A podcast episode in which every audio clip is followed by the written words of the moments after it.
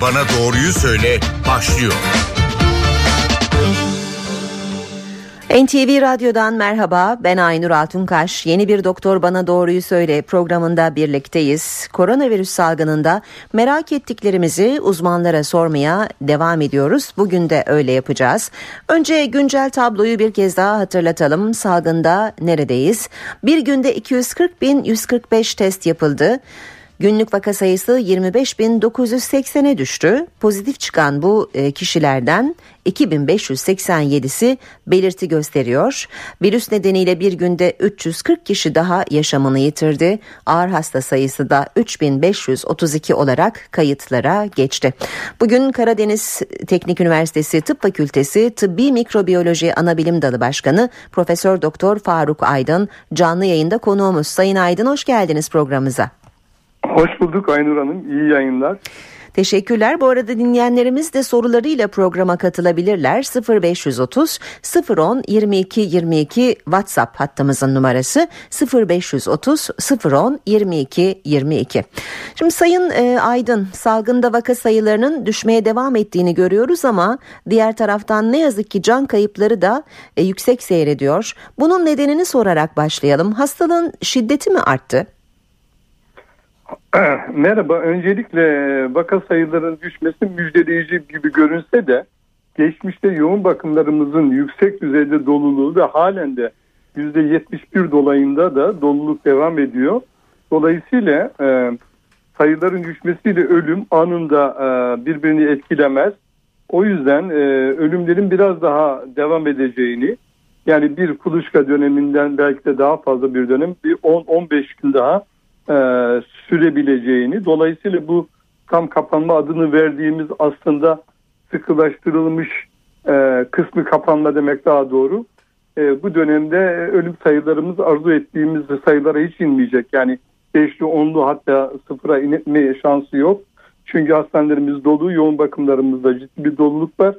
Dolayısıyla oradaki hastalarımızın e, ortalama %50'sini e, maalesef kaybediyoruz yoğun bakıma düşen hastaların. Dolayısıyla e, ölüm sayıları vaka sayıları ile eş zamanlı düşmüyor. E, neden bu? Hı hı. Yani hastalığın şiddeti konusunda bir fark e, yok mu demek henüz, oluyor? E, henüz ispatlanmış hastalığın şiddeti konusunda ispatlanmış e, kanıtlı e, şey yok. Hı hı. Fakat aşılı insanların e, e, şey olması nedeniyle e, yaşlı grubun yani nispeten daha yaşlı grubun aşılı olması nedeniyle bilinçleri arttı. Hastalık biraz genç tarafa kaydı. E, dolayısıyla böyle hastalık e, kaydığı için acaba virülansı mı arttı gibi e, şeyler var. Birkaç varyantta e, mesela İngiliz varyant, varyantında bunun biraz daha oluştuğu söyleniyor. Yani kanıtlı olarak biraz daha patoloji oluşturabilme yani e, virülansında artış olduğu söyleniyor bazı varyant virüsler nedeniyle. Peki hasta profilini de soralım. Yoğun bakımlardaki hastaların yaş ortalaması biraz daha orta yaşa kaydı. Hatta çocuk hastalar da var denmişti. Şu andaki duruma baktığımızda yine bunu söyleyebiliyor muyuz? Evet bunu söylemek mümkün. Yoğun bakımcı arkadaşlarımızın e, yaptıkları programlarda da e, yaptıkları e, açıklamalarda da bunu görüyoruz. Ben de burada bizim yoğun bakımda çalışan hoca arkadaşlarımla yaptığım görüşmelerde de aynı şeyi e, bir e, yaş grubunun öne çekildiğini yani daha genç grubun artık e, hem hasta olarak hastaneye başvurduğunu hem de yoğun bakıma ihtiyaç duyduğunu görmeye başladık. Peki şimdi bu yeni varyantlarla e, aşıların bu varyantlara karşı etkinliğini e, merak ediyoruz. Bunu soralım size. E, bu varyantlara karşı şu anda mevcut ülkemizde uygulanmakta olan aşılar etkin mi, koruyucu mu? E, evet, şimdi e, öncelikle şöyle e, bir şey söyleyelim. Antikor dediğimiz şey e, immün sistemimiz tarafından e, üretilen bir ürün, bir protein. Ve bunu ürettiren e, antijenler yani bu virüsün kendi antijenleri olabilir veya siz bunu aşıyla sağlayabilirsiniz. Yani aktif olarak bu hastalığı geçirip e, bu virüsün antijenlerine karşı immün sistemimiz antikor e, e, üretiyor Ve bu antijen antikor e, ilişkisi de şuna benziyor. E, hangi antijen e, hangi antikoru oluşturduysa onunla kilit anahtar modelinde birbirine tam uyumlu oluyor. E, dolayısıyla o antijenle o antikor karşılaştığında rahatlıkla birleşebiliyor ve nötralizan bir antikorsa da bu virüsü hedefi ortadan kaldırıyor. Aşılarla da sağlanmaya çalışan işte aslında budur. Yani öyle bir orijinal e, antijeni kullanacaksınız ki e, insanlarda antikor oluşacak ve oluşan antikor bunda e, e, spesifik olarak birleşecek ve bunu imha edebilecek. Yani dolayısıyla aşıyla e, aşılandığımızda bizde antikor oluşuyor. Daha, daha sonra o mikropla karşılaştığımızda onu tanıyıp ortadan kaldıracak. Evet. Şimdi aşılarda kullanılan antijenlerin özellikleri çok önemli. Ee, işte bu varyantlar nedeniyle bazı varyantlara karşı aşılarda herhangi bir değişiklik yok. Mesela İngiliz varyantı şu an dünyada en yaygın olan varyant e, ve de e, kullanılan aşılar o varyanta karşı halen etkili. Yani spesifik e, birbirini tanıyabilen ki anahtar kilit modeli diyebilirsin veya puzzle'daki e, bir parçanın o yerine yerleşmesi gibi. E, henüz yerleşiyor. Ancak Güney Amerika ve Güney Afrika varyantlarında hafif bir değişim var. Yani birkaç kat daha az duyarlılık e, söz konusu ancak ama halen etkili. Yani bunlar tanımlanmış hı hı. ve artık varyant olarak endişe yaratan varyantlar olarak da biliniyor. Bir başka grup var. E, endişe yaratma ihtimali olan yani e, takibe aldığımız dünyanın birçok yerinde yeni yeni varyantlar e, çıkıyor ve bunları bilim insanları takibi alıyor, e, gözlem altına alıyor ve onların gelişimlerini izliyoruz. Tabii ki mutasyonun olduğu bölgenin e, çok önemli bir e, şeyi var burada. Mutasyon bu antikorların bağlandığı bölgeden e, başka bir bölgede olursa sıkıntı olmuyor. Ama bu nötralizan antikorların bağlanma bölgesinde e, mutasyon oluşup da bir varyant oluşturursa o zaman aşınız etkisiz olacak. Şu ana kadar yüzde yüzde etkisiz olabildiğimiz e, bir varyant yok. Ama e, nispeten duyarlılıkları azalmış varyantlar var. Bu arada bir de Hindistan varyantı var e, Sayın Aydın. Ülkemizde de 5 evet. kişide bu varyantın görüldüğü açıklanmıştı. Bu sayı değişti mi? Önce onu soralım ve bu varyantın diğer e, Güney Afrika, Güney Amerika ve İngiltere varyantlarından farkı nedir? Bu varyant aslında e, ilk 5 Ekim 2020'de bulunmuş bir varyant. E, İngiltere e, ve bütün dünya tarafından da takibe alınmış bir varyant. Bundaki özellik şu. E, o spike proteininde iki tane mutasyon olmuş aynı şeyde. Yani bu nötralizasyonu sağlayan e, parçada iki mutasyon peş peşe olmuş. Yani e, iki mutasyon aynı anda e, meydana gelmiş. Dolayısıyla e, henüz endişe edici varyantlarda olduğu gibi e, labraduvara dayalı, kanıta dayalı bir e, şeyimiz, e, bulgularımız yok ama antikorlara karşı hassasiyetin ciddi derecede düşeceğine yönelik bir beklenti içindeyiz. Ve dolayısıyla bu varyantı henüz endişe edici varyant grubunda olmamasına rağmen yani takip edilen varyant grubunda kabul ediliyor. Ve Hindistan'da biliyorsunuz çok yüksek vaka pozitifliği, çok yüksek hastalık ve evet. yüksek ölümler var. Bu ölümlerin işte bu varyantla mı olduğu gibi bir kafa karıştırıyor. E, kafa karıştırma nedeni şu. E, orada sağlık hizmetleri de kötü, hijyen de kötü. İnsanlar arasındaki iletişim, ilişki, mesafe, işte maske kullanımı falan hepsi kötü. Dolayısıyla oradaki e, şeyi tam olarak incelemek lazım ve bu varyantın kanıtlı olarak yani e, laboratuvar testleriyle ve çalışmalarla gerçekten aşırı derecede e, hastalık şeyini arttırdığı gösterebilmeli e, ve aşıdan kaçabildiğini de gösterebilmelidir. Henüz bunu göstermiş değil. İşte Türkiye'de de Sağlık Bakanımız yaptığı açıklamada var olduğunu, 5 vakada yakalandığını ama işte bu gözetim altına tutulması gereken varyant olduğu için de ülkemiz bu konuda e, şey alert durumunda farkında ve Hindistan'dan gelen insanlarla e, hemen onları uygun bir yerde karantinaya alıyoruz. İzolasyon e, neticesinde onların testleri sonuçları negatif bulununca serbest bırakılıyorlar. Dolayısıyla ülkemiz için henüz e, bir e, ne diyelim e, korkulacak bir durum oluşturmadılar. Ama dünyada da zaten bunların iyi izlenmesi gerektiğini biliyoruz ve bunları izlemeye devam ediyoruz. Peki e, radyolarını yeni açanlar için belirtelim, baştan beri dinleyenler için de hatırlatalım. Bugün Karadeniz Teknik Üniversitesi Tıp Fakültesi Tıbbi Mikrobiyoloji Anabilim Dalı Başkanı Profesör Doktor Faruk Aydın'la birlikteyiz. Dinleyenlerimiz de soru iletebilirler hocamıza 0530 010 22 22 0530 010 22 22 WhatsApp hattımızın numarası. E, Sayın Aydın son zamanlarda aşıların dozları konusunda da bazı tartışmalar var. İki doz arasının e, biraz daha açılması gerektiğini söylüyor kimi uzmanlar. E, son günlerde bir de üçüncü doz açıklamaları oldu. Buna hatırlatma dozu da deniyor. Bu konudaki görüşlerinizi de öğrenebilir miyiz? Şimdi e, biliyorsunuz aşıları üretilirken faz 1, faz 2, faz 3 çalışmaları yapılıp e, bütün testlerden başarılı, güvenilir ve etkin oldukları e, şey olduktan sonra nedir o? E, kanıtlandıktan sonra da uygulamaya geçiliyor. E, bugüne kadar aşılarla yapılan bu faz çalışmalarında bazı aşılarda e, tek dozun yeterince e, şey oluşturmadığı nedir o? Antikor. E, bağışıklık antikor oluşturmadığı çift dozda bunu sağlandığı diğer bazılarında ise e, nispeten biraz daha yüksek bir antikor oluşturduğu ama çift dozda e, daha yüksek e, işte bu mRNA aşıları için söyleniyor.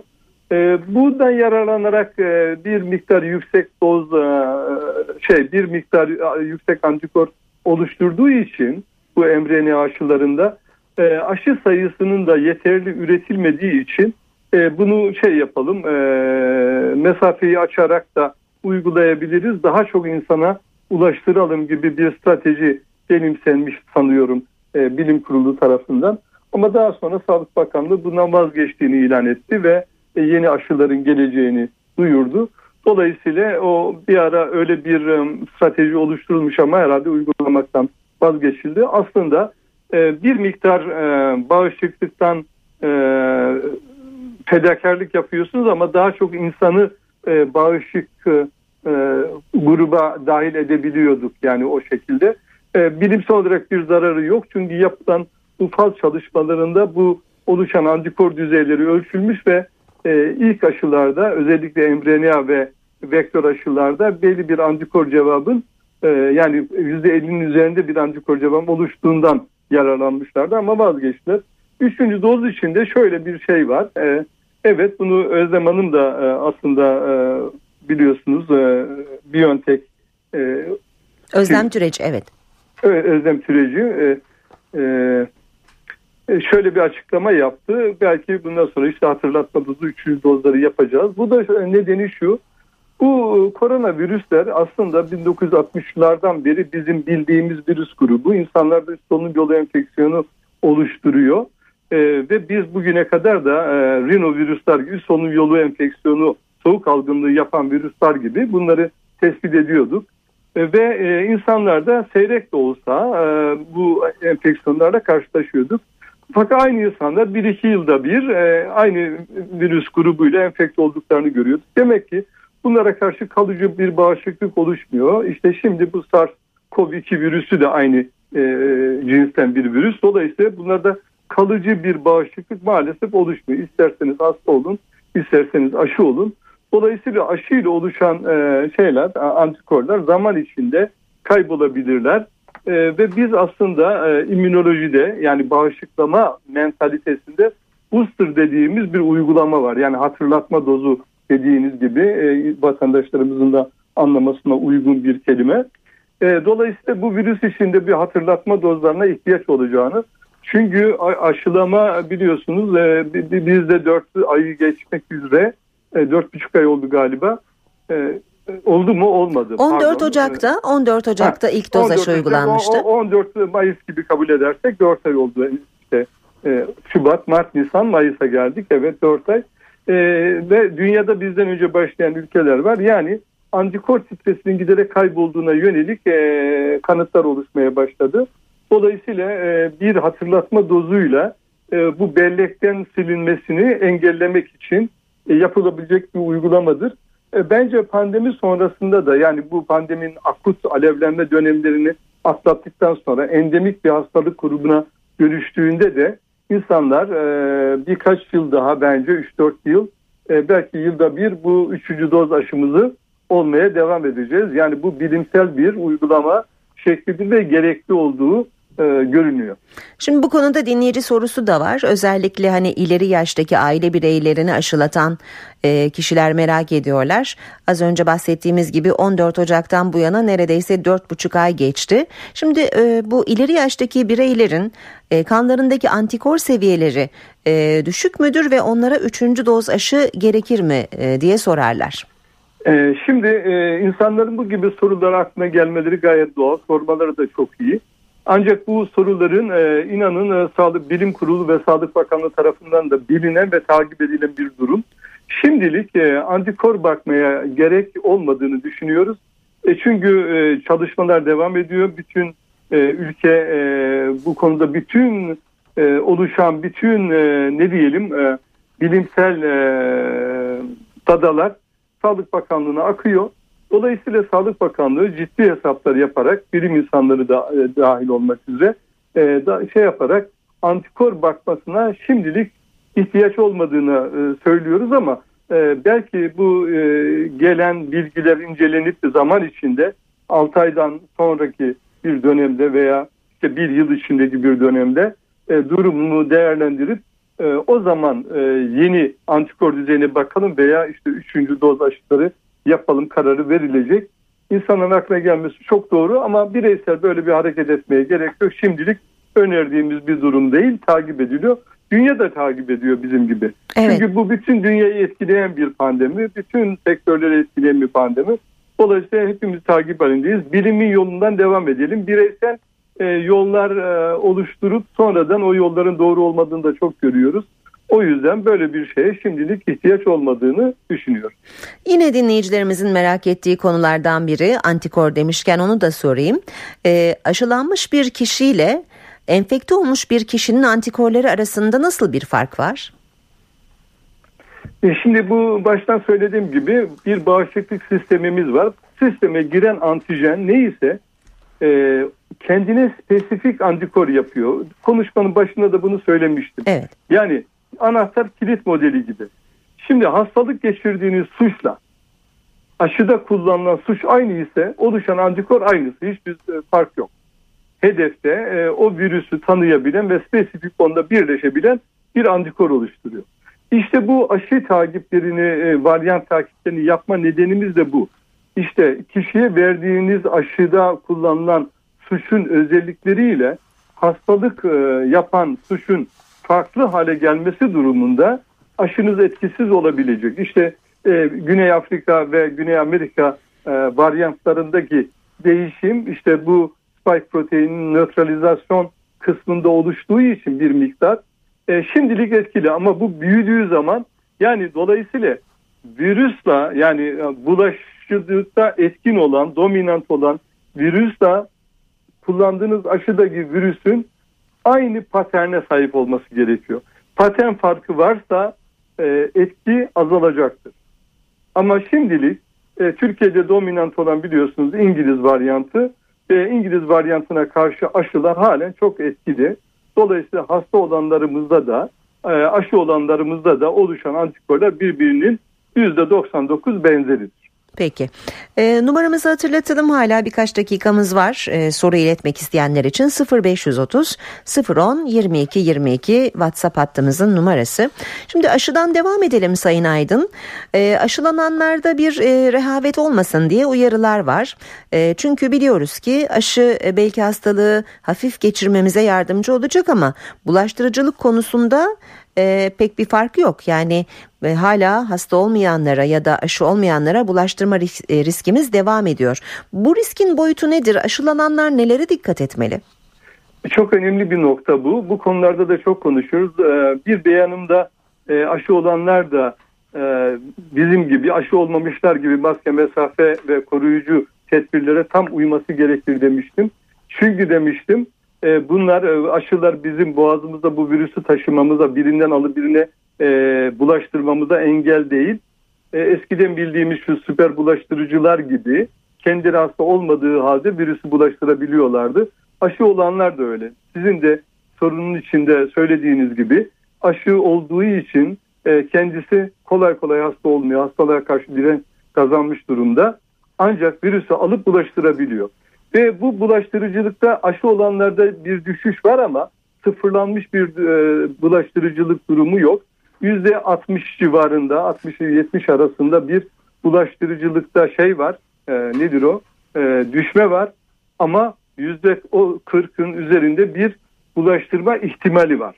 %30-40 civarında bir bulaştırma ihtimali var. Dolayısıyla aşı olanlar eskisi gibi Sağlık Bakanlığı ne zaman tehlike bitti artık e, böyle yaşayabilirsiniz deyinceye kadar ister aşı olalım ister olmayalım e, maske, mesafe, hijyen kurallarına mesafe kuralları özellikle toplumun içine girip e, şey yapmak durumunda kalanlara önlemlerini sürdürmek zorunda. Hı hı. Dolayısıyla benim e, bana şöyle bir fırsat verdiniz. Yanlış anlaşılan e, bir başlık nedeniyle yanlış anlaşılan bir beyanım da burada düzeltmiş olduk. Yani aşı olanlara e, süper bulaştırıcı olma gibi bir risk yok. Sadece kendileri korunuyor. E, hasta olmadıkları halde virüsü birinden alıp birine bulaştırabilirler. Korunmaları gerekiyor. Evet yani böyle bir ihtimalin altını çizdiniz aslında. Evet. Peki evet. devam edelim. Şimdi Sputnik ve aşısı da gelecek ülkemize hatta ülkemizde üretilecek. Bu aşı hakkında ne biliyoruz? Şimdi bu aşı bir vektör aşısı. Bu eski yıllarda da bildiğimiz aşılardan bir tanesi. E, Sputnik aşısı. E, dolayısıyla ülkemiz için de bir e, avantaj olduğunu düşünüyoruz. E, çünkü ben e, dünya e, aşı üreticilerinde biliyorsunuz e, Sayın Aydın. Dünya aşı üretimi, dünya aşı evet. üretimi, e, dünya aşı üretimi e, maalesef dünyanın ihtiyacı olan aşıyı karşılamamaktadır. Yani şu anki üreticiler, lisans almış üreticiler e, ürettikleri 2 milyar e, civarında bir aşı var. Oysa dünyanın ihtiyacı 16 milyar civarında bir aşı. Türkiye de bu e, etkilenen e, ülkelerden bir tanesi. Kendi aşı çalışmalarımız var. Umarım bunlarda başarılı oluruz ama e, bu iş yavaş ilerleyen bir durum. Giderek de zaman içinde e, de e, hızında yavaşlama olması doğal olan bir durum. Dolayısıyla Sputnik 5 e, aşısı e, Gamaleya Enstitüsü tarafından e, üretilmiş bir vektör aşı. Yani bir adenovirüse e, yüklenmiş bir e, e, mRNA aşısına çok benzer. Fakat burada bir virüse yüklenmiş durumda. E, adenovirüs dediğimiz bir grup. Adenovirüsün e, kendi şeyleri e, genleri çıkarılmış. Onun yerine e, bizim antikoru üretebilecek olan antijen kısmı yerleştirilmiş e, bir aşı.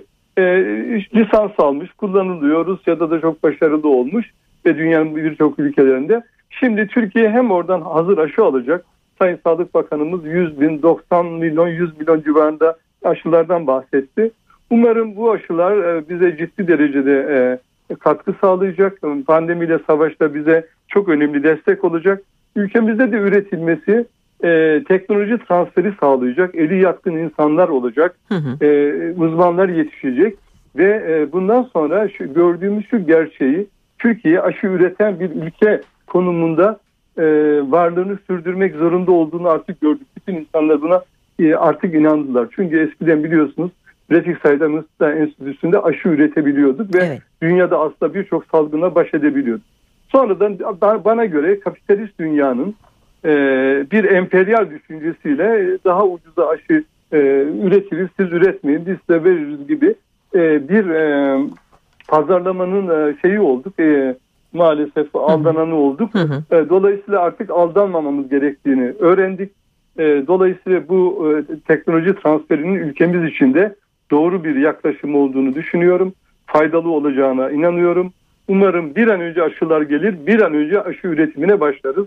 Türkiye'nin de potansiyeli bunu yapabilecek bilim insanlarına, teknolojiye sahip olduğunu biliyorum. Tabii ki ek birkaç teknoloji e, eklenmelidir diye de eklemek istiyorum.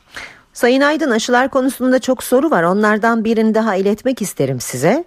Ee, Covid pozitif olduğu halde belirti göstermeyen e, kişiler aşı olduklarında bir risk olur mu? Hayır bu bu soru gerçekten çok soruluyor. Ee, insanlar haklı. Şimdi Sağlık Bakanlığı e, biliyorsunuz e, aşı şeyini TC numaramız üzerinden yürütüyor ve PCR pozitifliğimizi de takip edebiliyorlar. Öyle olunca randevu sistemini ayarlıyor zaten sistem. Dolayısıyla size uygun şey. Fakat bilinmeden e, Covid geçirmiş PCR pozitif olmuşsunuz bilmiyorsunuz ve geçirmişsiniz. Aşı olmanızda hiçbir sakınca yok. Tıpkı o siz daha konuşmanın başlarında sorduğunuz hatırlatma şeyi gibi e, nedir o? Üçüncü e, doz üçüncü, aşı. Üç, üçüncü doz aşı gibi e, bir aşı yapmış oluyorsa immün sisteminizi ikinci defa uyarıyorsunuz. Hiçbir zararı yoktur. E, bundan bir korkulacak durum söz konusu değildir. 6 aydan eski geçirenlerde zaten e, e, aşı yapılması gerekiyor. Peki Karadeniz'deki durumu da soralım. Vaka artış hızı azaldı mı Sayın Aydın? Teşekkür ederim benim bölgem içinde bir soru programınıza koyduğunuz için. Ee, şimdi biliyorsunuz Kasım Aralık'ta Türkiye e, yüksek bir e, pandemi hızıyla karşı karşıyaydı ve Kasım'ın 21 ve 26'sına alınan kısıtlama e, şeyle sayıları Türkiye genelinde düşürmeye çalıştık ve gerçekten iyi biliyorsunuz Türkiye il haritaları çıkmıştı. Mavi, sarı, turuncu ve kırmızı. Karadeniz bölgesi maalesef o hiçbir dönemde o kırmızılıktan kendini kurtaramamıştı. E, ve vaka pozitifliğinin yüzde e, başvuran hastalar içinde ve filyasyon ekiplerinin aldığı örnekler içinde yüzde 45'lere 50'lere çıktığı bir dönemdi. E, bu bütün kısıtlamalarla bu maalesef yüzde 15'in altına hiç düşürülemedi. Halen de düşürülmüş değil. Yüzde 15-30 arasında değişiyor. Yani Karadeniz bölgesi halen e, yüksek riskli bölge grubunda olduğunu söyleyebilirim. Dolayısıyla buradan bu fırsatı verdiğiniz için de Karadeniz bölgesindeki insanlarımızı da e, uyarmaya e, çalışalım. E, bazı önerilerde bulunmak isterim. Bu virüs bizim hayatımızda artık var. İki, bir yılı geçtiğimiz zamandır var ve öyle görünüyor ki bir yıl daha bizimle var olacak ve biz bunun varlığında da yaşantımızı, yaşamamızı sürdürmek zorundayız. Dolayısıyla önlemlerimizi doğru alarak ve doğru uygulayarak e, devam etmek gerekiyor. Bilim insanlarıyla olan ilişkilerimizde e, burada bu programda olduğu gibi karşılıklı soru cevap şeklinde ilerlersek bu virüsle birlikte yaşayabilir işlevimizi görüyor olabiliriz. Eğer karşılıklı inancımızı kaybedersek de sıkıntı yaşayabiliriz. Bu e, söylediklerim aslında bütün ülke için geçerli.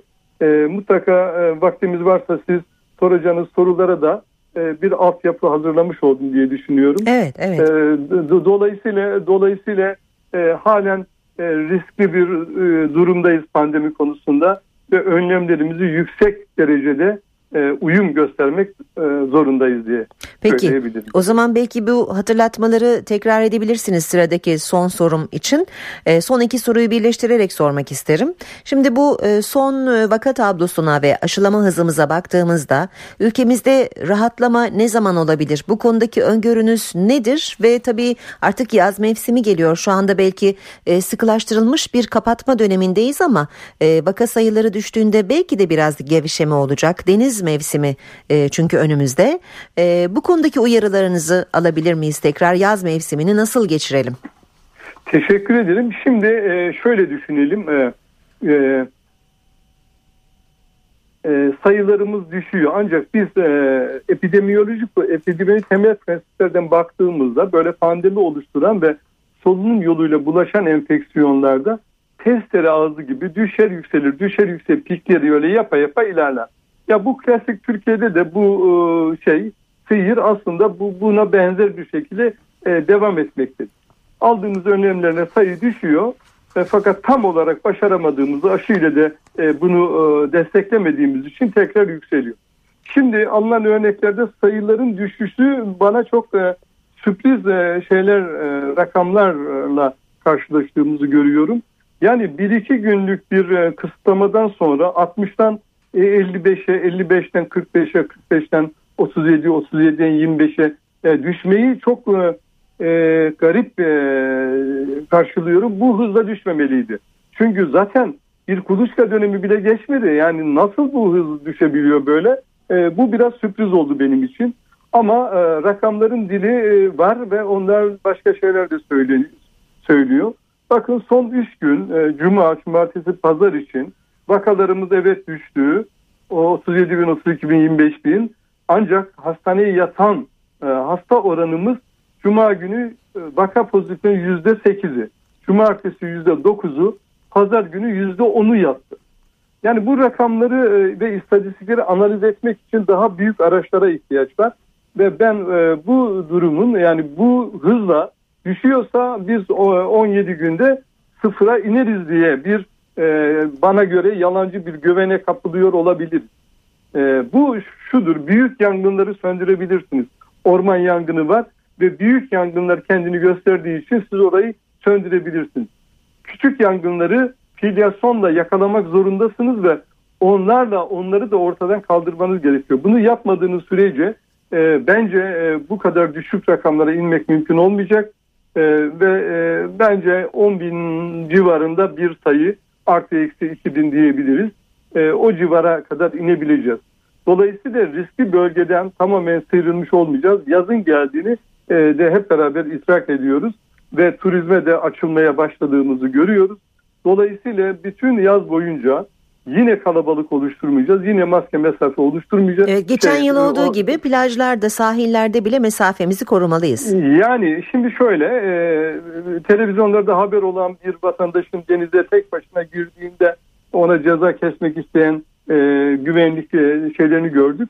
Bu yaklaşım değil de kalabalık oluşturmada yani oluşturanlar yani e, bulaş riski oluşturan durumları iyi saptanmamız gerekiyor ve insan olarak e, hem e, denetimi yapan insanlar hem e, bunu yaşayan insanlar olarak bulaşa müsaade etmeyecek tarzda bir yaşam kurmamız lazım. İşte markette belli bir sayıda insan varsa siz içeri girmeyeceksiniz veya o market sahibi insanları içeriye almayacak. Havalandırmayı çok iyi yapacak. E, mümkünse açık hava e, sürekli bir hava e, şeyini oluşturacak. Plajlarda, havuzlarda kalabalık olmayacak. Hatırlayın eski yıllarda Florya'dan fotoğraflar hatırlıyorum. Ee, bir ekstra bir insanın daha gelip giremeyeceği kadar yoğun bir e, sahiller oluşuyordu, deniz oluşuyordu, plajlar, kumlar oluşuyordu. Bunu oluşturmayacağız. Yani bu bunu oluşturduğunuzda bulaşın e, önünü almanız mümkün değil. Evet. E, kimin nasıl olacağını da bilmiyoruz. Dolayısıyla yine bu önlemlerimiz geçerlidir. Aş, bu arada devletimizin aşı müjdeleri çok önemli ama aşıların biliyorsunuz e, gelmesi e, Haziran sonu itibariyle e, Sayın Cumhur şey Sağlık Bakanımız e, bunu duyurdu. E, ve maalesef önceden yaptığımız anlaşmalarda da aşılarımızın bizim elimize geçmediğini de gördük. Yani dolayısıyla devletlerin üretim hızları, stratejileri değişebiliyor ve dışa bağımlı olduğumuz için de arzu ettiğimiz aşıyı elde edemeyebiliyoruz. Dolayısıyla e, aşıları da Haziran sonunda aldığımızı düşünün. İşte Temmuz'da yapmaya başladık. Ağustos'ta da yapacağız. Yaz geçiyor yani aşıların da e, e, evet çok değerli, çok önemli zaten olması gerekiyor. Fakat aşıların da yaz sezonuna e, ciddi bir katkılarının olmayacağını, daha düşük bir katkılarının olacağını da gözden kaçırmamak lazım.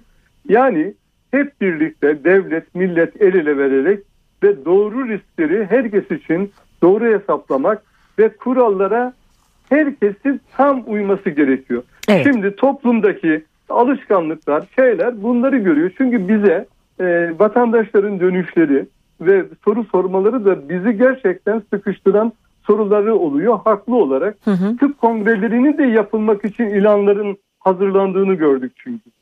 Şimdi beni bir e, şey e, bir vatandaş aradı. Bir ilanı gönderdi WhatsApp'ta bana. Hocam bakın sizde kongre varmış. Siz kongre yapacaksınız. Biz e, toplandı yapamayacağız. Bunun nedenini izah eder misiniz? İzahta zorluk çekiyor. Evet Sayın dolayısıyla, Aydın. Dolayısıyla Sağlık Bakanı'nın aldığı kurallar herkes için geçerli olacak. Birileri evet. için geçerliliği e, olmazsa güvenilirliğimizi kaybediyoruz. E, birbirine saygımızı yitiriyoruz ve başarıda zaten bunu başarısızlık da karşılığını veriyoruz. Yani bizden çıkıyor. Sayın Aydın süremiz bitti ama bir dinleyicimizin sorusunu da e, sorarak çok kısa cevap alarak programı bitirelim. E, bir baba bize ulaşmış. İlik nakli olmuş e, bir çocuğu için soruyor bunu. Geçmiş olsun diyelim. E, ilik nakli olmuş çocuklar için aşı öneriyor musunuz ve kaç doz olması gerekir? E, şimdi tabii ki çok özel bir durum bu. İlik nakli olduğu için bağışıklık sisteminin de e, uygun olup olmadığını mutlaka hekimi tarafından e, bilinmesi ve söylenmesi gerekiyor. Çünkü ilik nakli e, yapılan hastalarda nötrobenik bir durum var ve bağışıklık sistemi henüz e, gelişmemiş olabilir. Ne zaman yapıldığı, ne kadar zaman önce yapıldığı, e, bütün bunların mutlaka hekimiyle konuşması lazım. Ben genel bir konuşma yapayım, söyleyeyim. Bu vaka için mutlaka ilik naklini yapan hekimiyle görüşünü almalı mutlaka. Fakat bu durumda olan insanlar için şunu söyleyebiliriz e, bu aşıların hiçbir hastalık için kontrendike değil. Aşıların yapılmasında bir sıkıntı yok. Ama bağışıklık sistemini etkileyen bir ilaç kullanıyorsa e, veya baskılanmışsa, kemoterapi alıyorsa aşıdan görme faydası, e, göreceği fayda nispi olarak çok düşük olacaktır. Onun için hekimleriyle mutlaka e, bunu e, konuşmaları gerekiyor. Bu arada bana bir aşı deyince aşı karşıtlığı bir e, başlık da aklıma geldi. E, bununla e, vaktimizi suistimal mi ederim e, birkaç bir şey söylesem? Son bir dakika diyelim mi Sayın Aydın?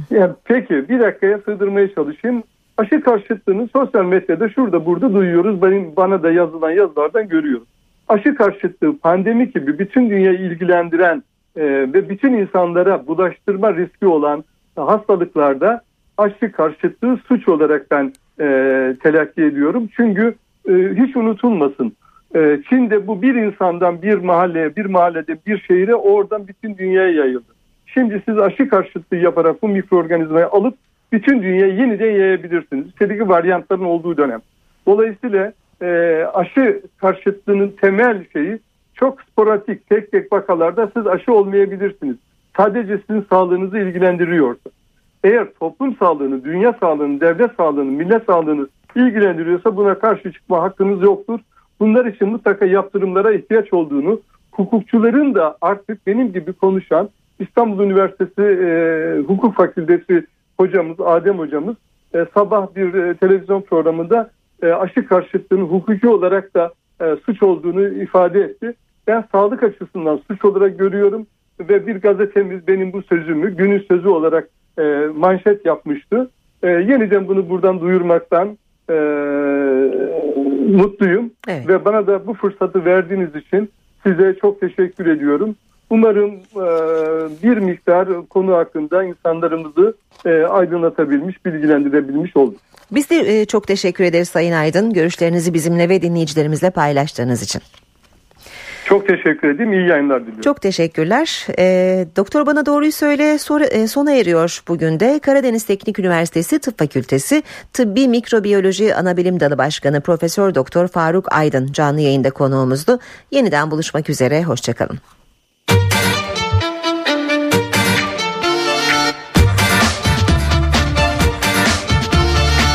Doktor bana doğruyu söyle.